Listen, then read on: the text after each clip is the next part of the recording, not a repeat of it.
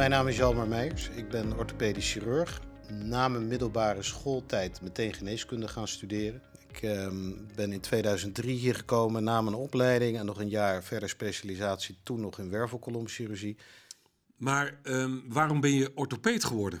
Het mooie van orthopedie is dat het, het is een heel handmatig vak Dat je iets aan het creëren bent. Dat je in die zin ook iets voor de patiënt kan betekenen. Want orthopedische operaties, met name heup- en knieoperaties, dat zijn eh, hele succesvolle ingrepen. Na een heupoperatie is 90% tevreden, kan weer lopen, heeft weer een soepel bewegende heup. Dat is natuurlijk geweldig om, om daar deel van uit te kunnen maken, om de mensen dat te kunnen bieden. Verder werken we niet met, met zieke mensen, maar meer mensen die hebben ja, een probleem in hun mobiliteit, wat, wat invloed heeft op hun dagelijks doen en laten. En we kijken samen wat de beste behandeling is en ik kan dat ook oplossen. Enerzijds het handmatige, het ambachtelijke, maar aan de andere kant ook dat je met elkaar voor een goed resultaat gaat, dat je veel overleg hebt, dat je in een team werkt, niet alleen van artsen, maar ook een verpleegkundige, ondersteuners en alles wat erbij komt te kijken. Dus ja, ik heb, dat, ik heb nooit spijt van die keuze gehad. Vertel eens, wat is er zo mooi aan een heupoperatie? Het mooie daarvan is dat het heel succesvol is. Dat mensen snel van hun pijn af zijn na de operatie. Dat ze heel direct weer op de been zijn. Dat ze hun leven kunnen hervatten, hun zelfstandigheid kunnen behouden.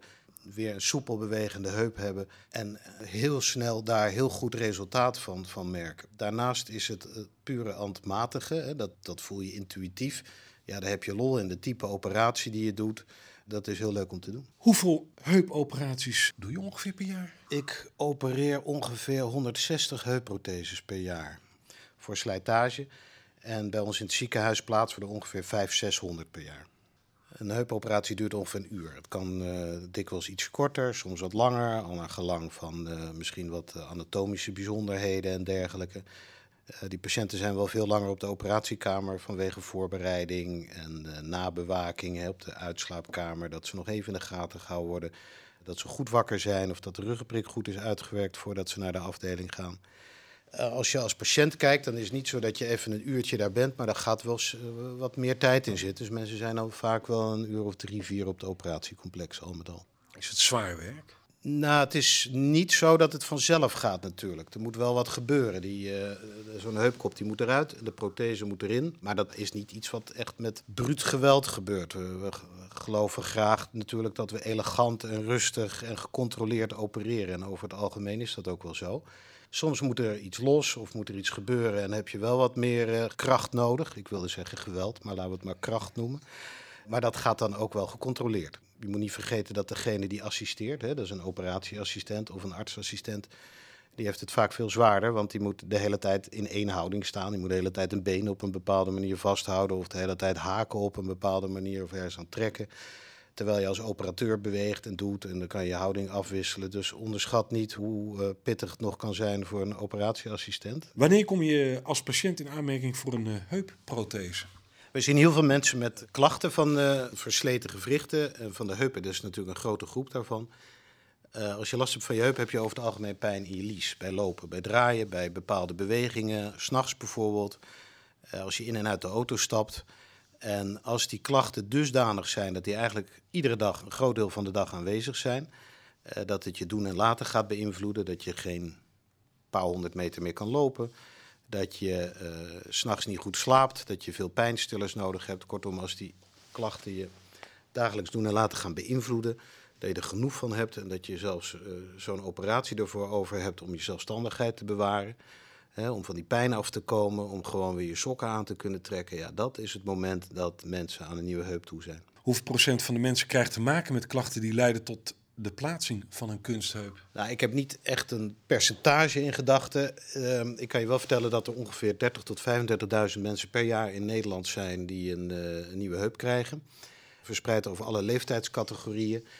Het, is, het meeste is natuurlijk de mensen die wat op leeftijd zijn. Ongeveer twee derde van de mensen die geopereerd worden, die zijn tussen de 60 en de 80 jaar. Uh, ook jongere mensen worden wel geopereerd, maar als je naar de landelijke cijfers kijkt, dus bijvoorbeeld mensen onder de 50 jaar, dat is echt jong voor dat soort klachten. Dat is maar een procent of vier, dus dat zijn er niet zoveel. En ook boven de 80 worden mensen geopereerd in Nederland. Dat is ongeveer 15, 20 procent van het totaal aantal heupen. Maar dat zijn de getallen waar je een beetje aan moet denken. Maar jongeren dus ook. Maar dat is maar een heel klein percentage. Maar hoe komt dat? Nou, meestal is er dan wat anders aan de hand. Het kan zijn dat mensen bijvoorbeeld vroeger uh, heupdysplasie gehad hebben. Dat betekent dat die heup verkeerd aangelegd is. Dat is van die babytjes die je in een spreidbroek ziet. Als je dat niet opmerkt of, of het is niet voldoende behandeld, dan kan dat later leiden tot slijtage van de heup, omdat die heup gedurende het leven anders wordt belast en dus eerder aan slijtage onderhevig is. Je ziet het ook wel eens bij bepaalde ontwikkelingsstoornissen van de heupkop. En ook zie je het wel eens bij medicijngebruik. Mensen die bijvoorbeeld langdurig prednison hebben gebruikt. Dat kan wel eens ten koste gaan van de uh, bloedvoorziening van de heup. En verder zien we het ook wel bij mensen die ongelukkig ten val komen, die iets breken. Bepaalde heupbreuken uh, van, de, van de hals van het dijbeen kunnen ertoe leiden dat je dat eigenlijk niet goed meer aan elkaar kan schroeven. Of dat als het aan elkaar geschroefd wordt, dat het later toch blijkt niet goed vast te groeien. Of dat die heupkop het niet redt. En dat zijn de mensen die ook onder de 50 jaar, dus op jonge leeftijd, voor een nieuwe heup in aanmerking komen. Wat zijn er activiteiten waarvan je zegt, als je dat doet, moet je op een gegeven ogenblik een kunstheup? Het is niet zo dat bepaalde activiteiten zo riskant zijn dat je zegt van nou jongens, als je dat een maand, een jaar of tien jaar doet, dan, uh, dan gaat het niet goed met je heup, dan ben je aan de beurt. Dat is niet het geval. Uh, je hebt mensen die uh, hun hele leven zich de slag in de ronde sjouwen, zwaar werk doen, extreme sporten en die op hun zeventigste geen centje pijn hebben, nergens last van. Je hebt mensen die een relatief rustig leven leiden, vooral achter een bureau zitten en, en uh, af en toe een wandeling maken, maar niet meer dan dat. En op een gegeven moment geconfronteerd worden met pijn in de lies en artrose, slijtage van de heup. Dat kun je eigenlijk niet zo zeggen van joh, stop daarmee, want anders gaat het mis. Andersom is het wel zo dat als je eenmaal wat slijtage hebt en je hebt daar last van en het breekt je op, dat het niet handig is om al te veel te gaan doen al te zwaar te gaan doen. Als je beginnende slijtage hebt of gevorderde slijtage en je gaat squashen of uh, je gaat enorme afstanden hardlopen of activiteiten waar heel veel draaimomenten in zitten, ja, dan kan je zeggen, jij gaat sneller last van die heup krijgen. Je, je, wordt, uh, je trapt hem op zijn staart en je wordt, de, krijgt rekening gepresenteerd na afloop. Dus als je eenmaal klachten hebt, je moet niet stil gaan zitten, maar je moet het ook niet al te veel opzoeken, want dan weet je zeker dat je aan de beurt bent op een gegeven moment en dat je uh, dat je meer last zal hebben en dat je één stap vooruit doet en twee stappen terug. Hoeveel mensen zijn er bij een dergelijke operatie aanwezig en wie doet wat? Nou, dat zijn er best wel wat. Het is niet zo dat we daar met z'n drieën staan: de patiënt, de dokter en de anesthesist en de anesthesieassistent.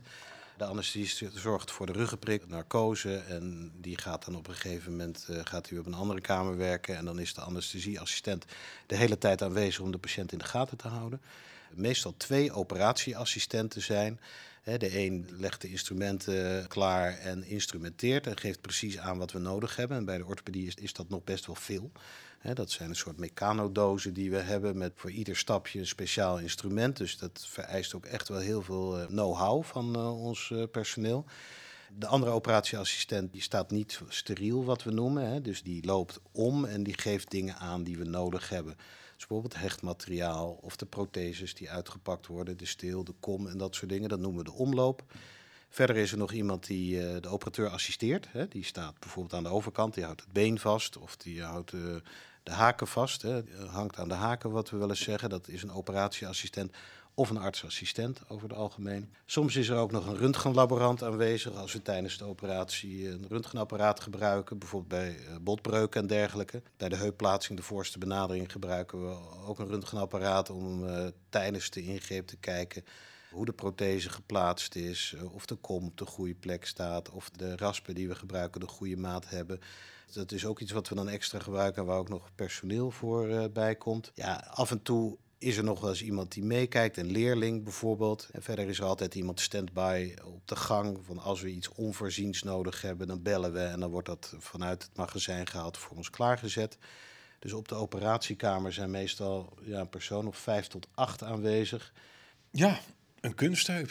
Hoe zwaar weegt hij eigenlijk? Zo'n heup die weegt uh, zo ongeveer een uh, pond tot, uh, tot 800 gram. Wat we eruit halen, dat is wel eens onderzocht. Dat is wel iets minder, maar het benadert elkaar wel. Het scheelt ongeveer 150 gram. Dus strikt genomen, over het algemeen worden de mensen wel iets zwaarder na zo'n heupoperatie. Maar maar heel weinig. Dus dat, dat wordt niet gemerkt. Opmerkelijk genoeg is het wel iets wat mensen vaak vragen wat het weegt. Met name als ze geopereerd zijn. Maar het is dus niet zo dat het substantieel veel zwaarder is dan wat we eruit halen. Dat is wel even belangrijk om te weten. Er zijn verschillende materialen die voor uh, orthopedische implantaten worden gebruikt. Voor de heup, voor de steel wordt dikwijls titanium gebruikt. Titanium is heel stevig, is ook bestand tegen uh, belasting, tegen repeterende belasting, dus, dus lopen en dat soort dingen. Het is uh, heel biocompatibel, hè? dat wil zeggen dat het heel goed samengaat in het lijf. Het, groeit goed in, het, lijf reageert daar niet op. En um, dat gebruiken we vaak voor de steel en dikwijls ook voor de kom. We gebruiken ook chirurgisch staal. Dat is een legering van kobalt, chroom en molybdeen. En dat wordt ook goed geaccepteerd door het lichaam. Veel implantaten worden van gemaakt. Dat is met name meer voor de knieprotheses. Kopje wat we gebruiken, dat, dat wordt weer apart op de steel gezet. En dat is dikwijls van keramiek gemaakt.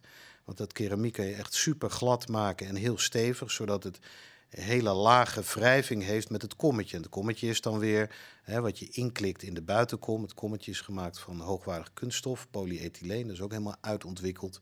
En dan heb je dus een, kop van keramiek en een kommetje van eh, polyethyleen. En dat samen loopt zo ongelooflijk soepel dat dat echt heel lang meegaat, die combinatie tegenwoordig. En wordt bij iedereen dan ook de kop en de kom vervangen? Nou, als iedereen die voor een heup komt uh, met artrose, met slijtage, dan vervangen we zowel de kop als de kom. Het is niet zo dat we alleen de kop vervangen. Dat wordt wel eens gedaan, maar eigenlijk alleen bij mensen op leeftijd die de hals van het dijbeen breken. Hè, die dus een heupbreuk hebben die net onder de kop is afgebroken en die verder geen slijtage hebben. En mensen die de, de heup niet al te zwaar meer belasten in de rest van hun leven. Uh, daar vervangen we wel eens alleen uh, de kop. Hè? Dus dan krijg je een steel en de kop. En de kom, daar doen we niks aan. Maar iedereen die een nieuwe heup krijgt, die krijgt en de steel en het kopje op de steel en het kommetje wordt vervangen. Wordt iedereen op dezelfde manier geopereerd? Er zijn verschillende manieren om een heup te opereren. Dat is net hoe je naar het gewricht toe gaat. Welke anatomische structuren je tegenkomt. Dat kan via de zijkant en via de voorkant. En onderweg naar de heup dan kom je verschillende anatomische structuren tegen. Het heeft ook te maken met hoe de patiënt gepositioneerd wordt. Hè. Als je het via de zijkant of de uh, zijkant achterkant doet, dan liggen de mensen vaak op hun zij. Via de voorkant liggen de mensen tijdens de operatie op de rug. En iedere benaderingswijze heeft zo zijn eigen voor- en nadelen. De benaderingswijze die gekozen heeft, heeft ten eerste dikwijls te maken met de voorkeur voor de operateur. De benadering die die gewend is, die dit meest doet en waar die ook het beste voor is. Maar er zijn ook factoren die patiëntgebonden zijn, waarvan je zegt van nou, het is beter om die, deze patiënt even bijvoorbeeld via de achterkant te opereren. Bijvoorbeeld bij operaties waarbij er uh, sterke anatomische afwijkingen zijn of waar al een heupprothese geplaatst is die vervangen moet worden. Kan het handig zijn om dat via de, uh, hoe heet dat, via de achterkant te doen, omdat je dan heel veel overzicht hebt. Omdat je ook heel makkelijk de, de incisie kan, de, de snee kan verlengen, het operatiegebied, uh, meer richting het bovenbeen en de knie als je, als je daar moet zijn. Uh, de operatie via de voorkant bijvoorbeeld, dat is, dan ga je veel meer tussen de weefsels door. Over het algemeen kun je daar de, uh, de, de operatiewond klein houden, daardoor heb je weinig weefselschade. En wat we dan ook zien is dat mensen daarna dikwijls snel weer op de been zijn, weinig pijn hebben en heel snel hun mobiliteit weer terug hebben. Dus iedere, iedere benaderingswijze die heeft zo zijn voor- en zijn nadelen.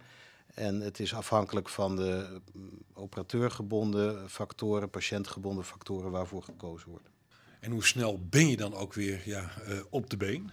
Nou, het is zo dat we als we mensen geopereerd hebben, dat we eigenlijk ernaar streven dat we dezelfde dag mensen nog in ieder geval op een bedrand gaan zitten en als het even kan ook lopen. Het is natuurlijk wel belangrijk dat ze dan goed wakker zijn en niet duizelig en uh, niet misselijk worden als, uh, als ze gaan staan. Hè. Het moet wel veilig blijven. Maar we willen mensen zo snel mogelijk uit dat bed hebben, in de stoel en als het even kan een stukje lopen. Dat gaat in ieder geval ook de dag na de operatie gebeurt dat. Hè. Dat doet onze fysiotherapeuten, maar dat doen ook de verpleegkundigen die natuurlijk heel veel ervaring hebben met heupoperaties en het helpen van mensen daarbij. Uh, die, die gaan met mensen aan de wandel, met, met uh, het rekje, rollator of, en, met krukken. Als het moet, uh, en, en, mensen hebben thuis een trap. Als ze naar huis toe gaan, dan, dan oefenen we dat ook met ze. Dus we willen ze zo snel mogelijk op de been hebben. En dat lukt eigenlijk bij de meerderheid van de mensen lukt dat heel goed. Dus als ik je goed begrijp, eigenlijk als je de operatietafel afgaat, dan begint direct min of meer de revalidatie. Ja, zo is het. Ik zeg wel op de uitslaapkamer, uh, als ik even kom kijken hoe het is en ze zijn een beetje wakker, zeg ik van nou geniet nog even van de rust, want uh, straks moet, moet, je aan de bak, moet je oefenen en lopen. En zo is het ook. Dus uh, zo snel mogelijk in de benen.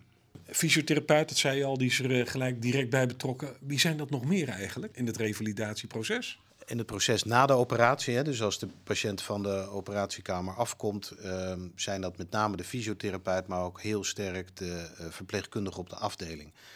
Uh, die heel veel ervaring hebben in, in wat mensen tegenkomen qua pijn, wat normaal is en wat afwijkend is. En die heel veel praktische tips en handvatten hebben om uh, mensen weer verder op de been te helpen en te houden. Dus de fysiotherapeut, de verpleegkundige op de afdeling ja, de specialist zelf. Hè. We, we, spreken de mensen en natuurlijk de zaaldokter die de dag na de operatie langskomt voor, voor, uh, voor bijzonderheden. En verder wat ook heel belangrijk is, is onze orthopedisch consulenten die de mensen ook voor de operatie ziet. Hè. Dus verpleegkundigen die veel meer de praktische kant van de zaken belicht. Samen inventariseert met de, met de mensen. God, hoe is je thuissituatie? Waarop moet je letten als je weer thuis komt? En die ziet ze ook na twee weken weer terug, dikwijls voor het verwijderen van de hechtingen dat is, wij zien die mensen vaak na acht weken pas weer. Maar daarvoor komen ze bij onze consulenten en die kunnen vaak nog heel veel praktische zaken met ze doornemen. Van joh, is dit normaal? Waar moet ik op letten? En uh, een stukje uh, onzekerheid wegnemen, vragen beantwoorden. Dus ja, het is eigenlijk een heel team wat, wat met elkaar die zorg voor die mensen doet. En vergeet daarbij eigenlijk ook de partner niet, de partner van de patiënten, die we eigenlijk ook zoveel mogelijk proberen te betrekken in het hele proces ook bij de intake, bij de consulenten, hè, die, die, die krijgen ook te horen van joh, eh, dit gaat er gebeuren, daar moet je op letten, dit kun je verwachten. En die partner wordt ook betrokken in het verdere verhaal. Hè. Die, die is ook de deel van, van het team, bij wijze van spreken. Dus ook heel belangrijk om die er uh, actief bij te halen. Het is zo dat je in ieder geval na een week of zes alweer een heel eind op de been bent. Vaak is dat het moment dat in de grote groep van de patiënten de krukken of de rollator opzij kan. Hè, als de evenwicht het toelaat en de pijn. En dat mensen gewoon los kunnen lopen. Thuis gaat het al veel makkelijker. Dan kunnen ze met een beetje steun van de tafel naar de stoel en naar de bank toe. En uh, buiten duurt dat soms wat langer. Of je gaat naar één kruk. Uh, bij die voorste benadering die we ook doen, zien we dat mensen wat sneller van die krukken af zijn. Dat ze sneller tot zit en lopen komen. Dat ze wat eerder minder pijn hebben. Dat ze minder pijnstillers hoeven te gebruiken. Dat is een van de voordelen die wij zien. En dat zien onze fysiotherapeuten en verpleegkundigen ook op de afdeling. En na een aantal weken zijn die verschillen tussen de voorste benadering en de andere benadering, die zijn eigenlijk weggevallen. En is iedereen eigenlijk uh, functioneel op hetzelfde niveau. Dus we zeggen wel eens, die totale revalidatie duurt een jaar, maar die laatste negen maanden, dat zijn echt de restklachten die dan langzaam verdwijnen. Maar het grootste deel van de mensen is na zes tot tien weken al heel eind op de been. En het mooie is dat ze eigenlijk de dag na de operatie of meteen na de operatie al meteen merken dat die ellendige uh, liespijn weg is. Dat die pijn van die ingreep weg is, dat die verdwenen is. En vaak is dat zo'n enorm verschil dat ze de pijnen die ze na de operatie ervaren eigenlijk nauwelijks voelen. Die valt helemaal in het niet? Ja, de, de, de pijn van tevoren bij de minst of geringste beweging, die was zo uh, hevig en, en scherp dat ze eigenlijk de operatiepijn, dat is peanuts soms vergeleken met de pijn die ze van tevoren hadden. Dat is niet bij iedereen zo, maar dat is wel wat we dikwijls zien. Je hebt het wel over pijnstillers. Ja, in de acute fase beginnen we ook wel met, met morfineachtige medicijnen, zo kort mogelijk het liefst. En, en dingen als ibuprofen en diclofenac, wat zwaardere geneesmiddelen die ook wel wat bijwerkingen hebben op bloeddruk en maag en dat soort dingen in ieder geval ook paracetamol. Dat laatste, dat, dat is wel het idee dat, dat het wel handig is om mensen dat in ieder geval op vaste tijden gebruiken gedurende de eerste twee weken. En die andere medicijnen, met name de morfine, dat proberen zo snel mogelijk, liefst nog in het ziekenhuis zo snel mogelijk thuis te stoppen of er helemaal niet aan te beginnen.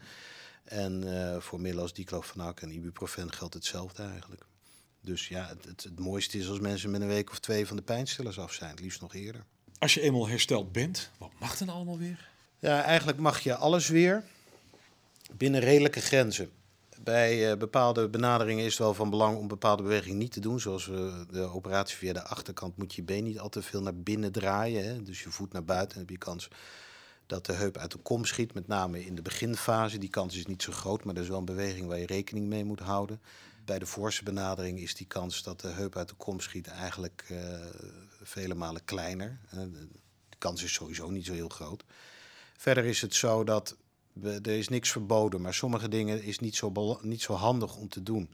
Zoals uh, sporten met hè, hoge impact, dus uh, intensief sporten zoals hardlopen of contactsporten waarbij je niet altijd controle hebt over je eigen acties, ja, dan, dan loop je gewoon wat meer risico. Als je bij een contactsport valt en je hebt een, uh, een heupprothese, heb je toch wel kans dat daar wat mee gebeurt. Een breuk rond die prothese, dat die uit de kom schiet bij een verkeerde beweging.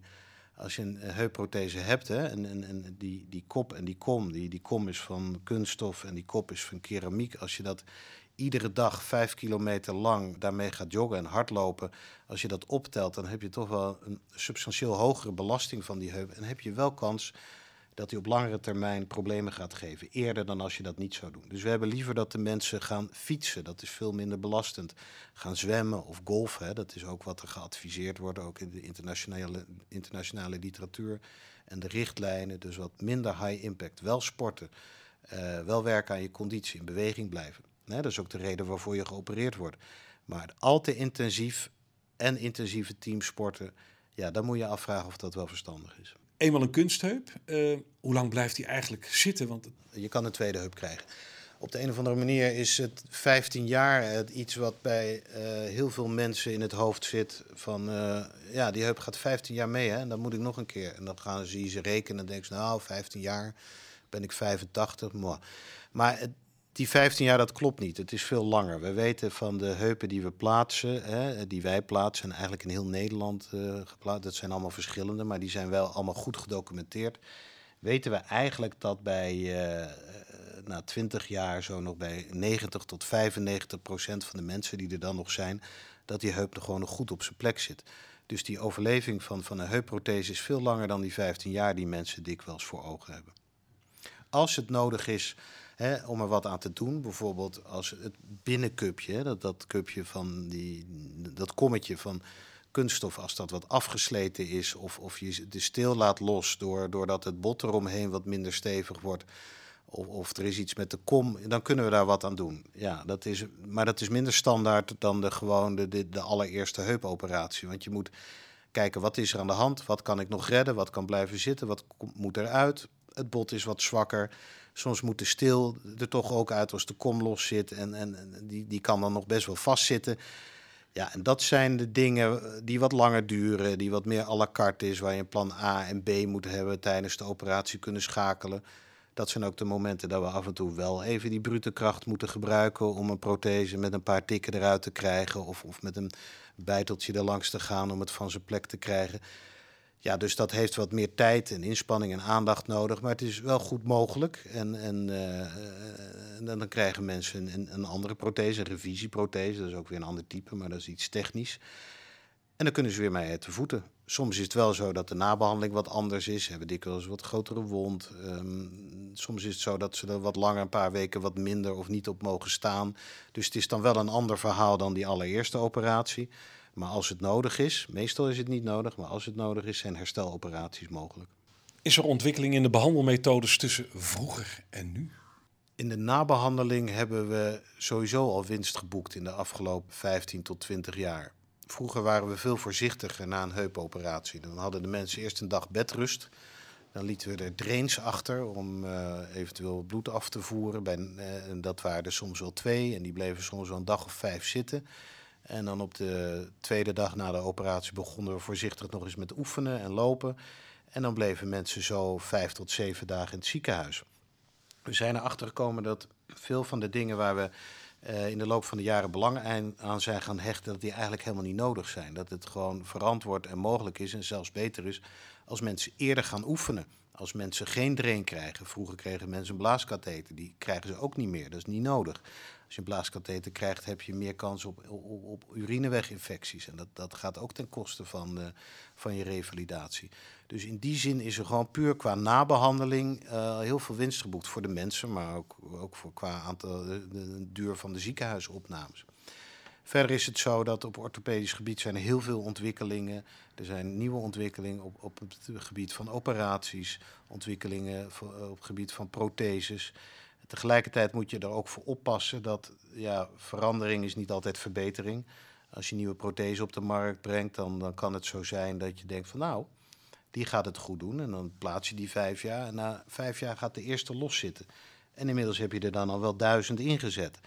En kunnen een, heel veel mensen hebben dan al eigenlijk een heup die, die, die blijkt het toch niet goed te doen uh, op, op middellange of lange termijn.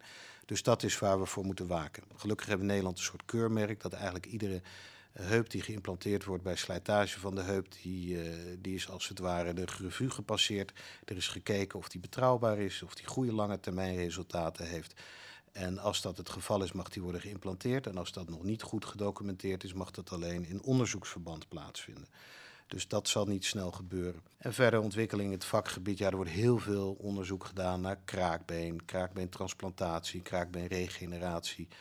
Op het moment dat wij de artrose, de slijtage kunnen stoppen of omkeren, of dat we uh, op een makkelijke manier gewrichten, gewrichtsoppervlakken weer kunnen bekleden met, met, uh, met kraakbeen, dat is het moment dat we geen protheses meer hoeven te plaatsen. Maar dat ziet er helaas nog niet naar uit in de komende jaren. Dus voorlopig zal het nog nodig zijn om met mensen die slijtage hebben aan de heup en daarvan veel last hebben om, uh, om daarbij een nieuwe heup te plaatsen.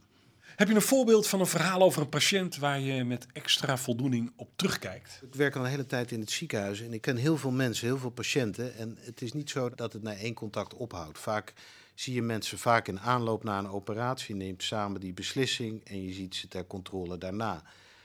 En soms blijft het niet alleen bij een heup, dan komt er ook een knie bij, of nog een heup, of nog een knie, of komt er eens een breuk bij, of een partner zie ik en de, de, de patiënt komt dan mee. Dus je krijgt in die zin wel een band met veel mensen. En als ik daar één uit zou pikken, dan zou ik de andere tekort doen. Het is natuurlijk ook zo dat wij mensen opereren die eigenlijk over het algemeen gezond zijn. Ze hebben een technisch mankement, ze hebben een, iets waar ze last van hebben, waar ze van af willen.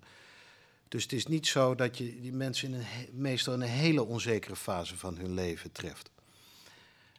Wel zien we mensen ook, hè, ik ben ook uh, orthopeed-traumatoloog, je ziet mensen die iets breken en waarvan de dag heel anders eindigt dan dat die begonnen is.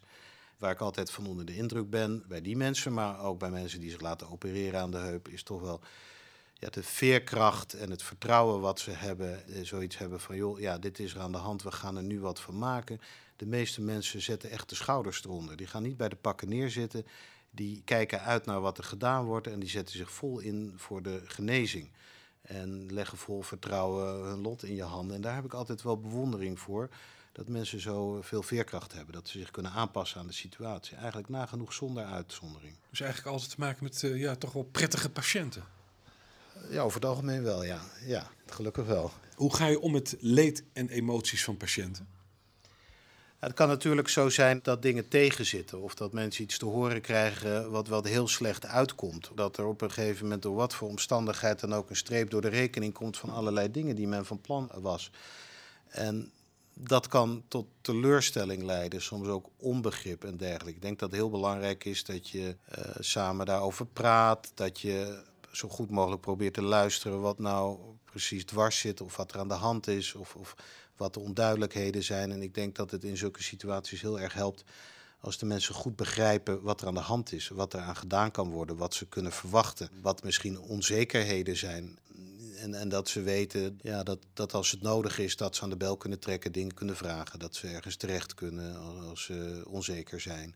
Dus communicatie, uitleg en begrip, dat is wat je voor de mensen kan doen. Tergooi, waarin onderscheidt het zich bij deze behandeling ten opzichte van andere ziekenhuizen van heupoperaties? Ja, we zijn een ziekenhuis, dat vooropgesteld. Dus we hebben alle zorgen in huis die je maar kan verzinnen op 95% van wat mensen überhaupt kunnen mankeren. Hè. Die, die 5% eh, ook op orthopedisch gebied, die gaat naar een academisch ziekenhuis. Maar we hebben heel brede zorg in huis. Voor het gros van de mensen die we opereren is dat helemaal niet nodig. Die hebben geen internist of cardioloog nodig of een geriater of wat dan ook. Maar soms is het zo dat mensen wat meer broze gezondheid hebben, dat ze wat medicijnen gebruiken, waarvan we als orthopeden denken van nou, wat is het? Of wat moeten we ermee? Mogen we het wel stoppen? Moeten we doorgaan? Moeten we wat anders geven? Soms denken we van nou, die, die heeft wel heel veel gemankeerd uh, aan het hart of aan de longen. Ja, en dan vragen we advies aan een longarts of een cardioloog of een internist of, of de geriater bij een kwetsbare oudere. En soms zegt de, de anesthesist bij het onderzoek wel van... joh, weet je, voor de, het is wel handig als we voor de zekerheid een intensive care bed op de achterhand hebben... bij deze patiënt, mochten we wat beter in de gaten moeten houden. En dat zijn dingen, daar hoef je niet naar te zoeken in een ziekenhuis. Dat is gewoon uh, ja, op de andere gang. En, en je praat met elkaar, je belt met elkaar. Dus samen zorg je ervoor dat het in orde komt.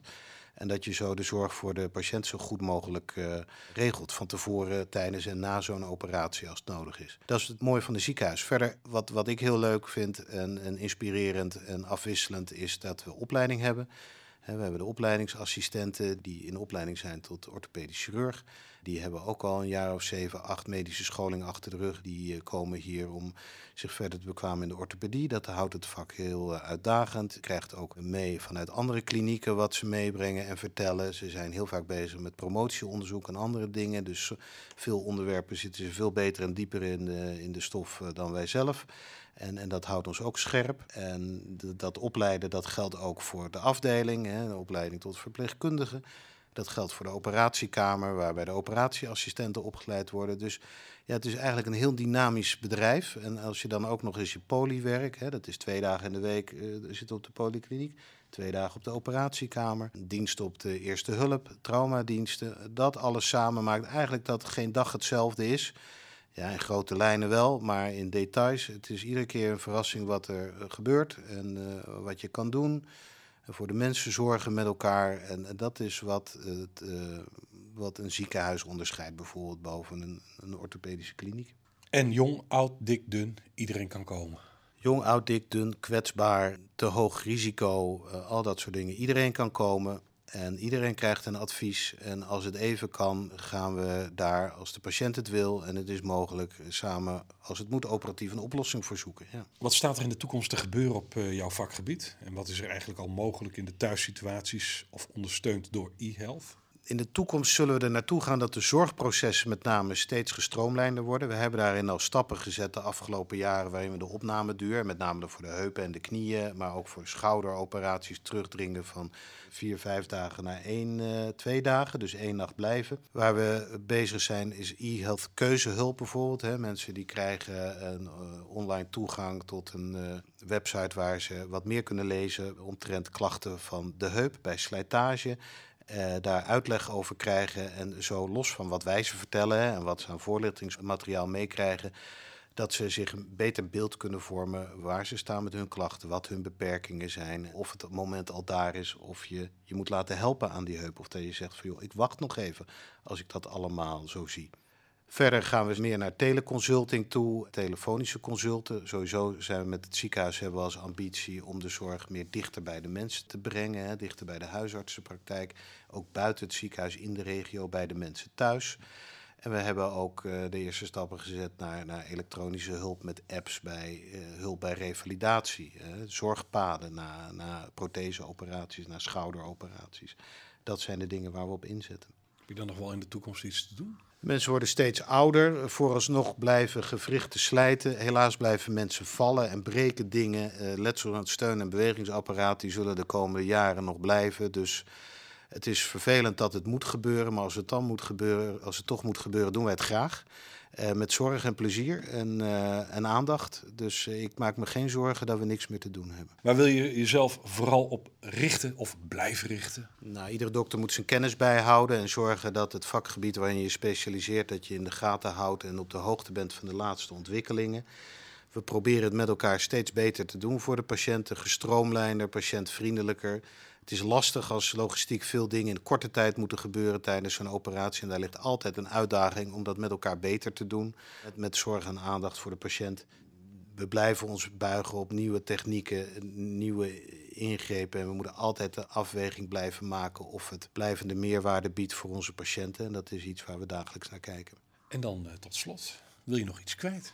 Nou, ik denk dat we heel veel besproken hebben. Ik vond het heel leuk om hier wat meer over te vertellen. Je hebt altijd het idee dat je niet alles hebt verteld, of uh, niet iedereen hebt genoemd, of niet alle mogelijkheden hebt benoemd. Ik hoop in ieder geval dat mensen die dit uh, beluisteren, dat ze een beetje een idee hebben van ja, wat voor iemand is nou een orthopeed? Wat doen ze nou de hele dag daar in zo'n ziekenhuis of zo'n vakgroep orthopedie? het is niet alleen maar mensen op de operatielijst zetten en opereren, maar er komt toch echt veel meer bij kijken. En ik hoop dat mensen ook zien, maar ik denk ook dat ze dat wel merken, dat iedereen zoveel mogelijk persoonlijk behandelplan krijgt en aandacht en, zorg bij ons in het ziekenhuis hier in Tergooi. Bedankt voor het luisteren naar deze aflevering van de Tergooi podcast. Meer weten? Ga dan naar tergooi.nl slash podcast.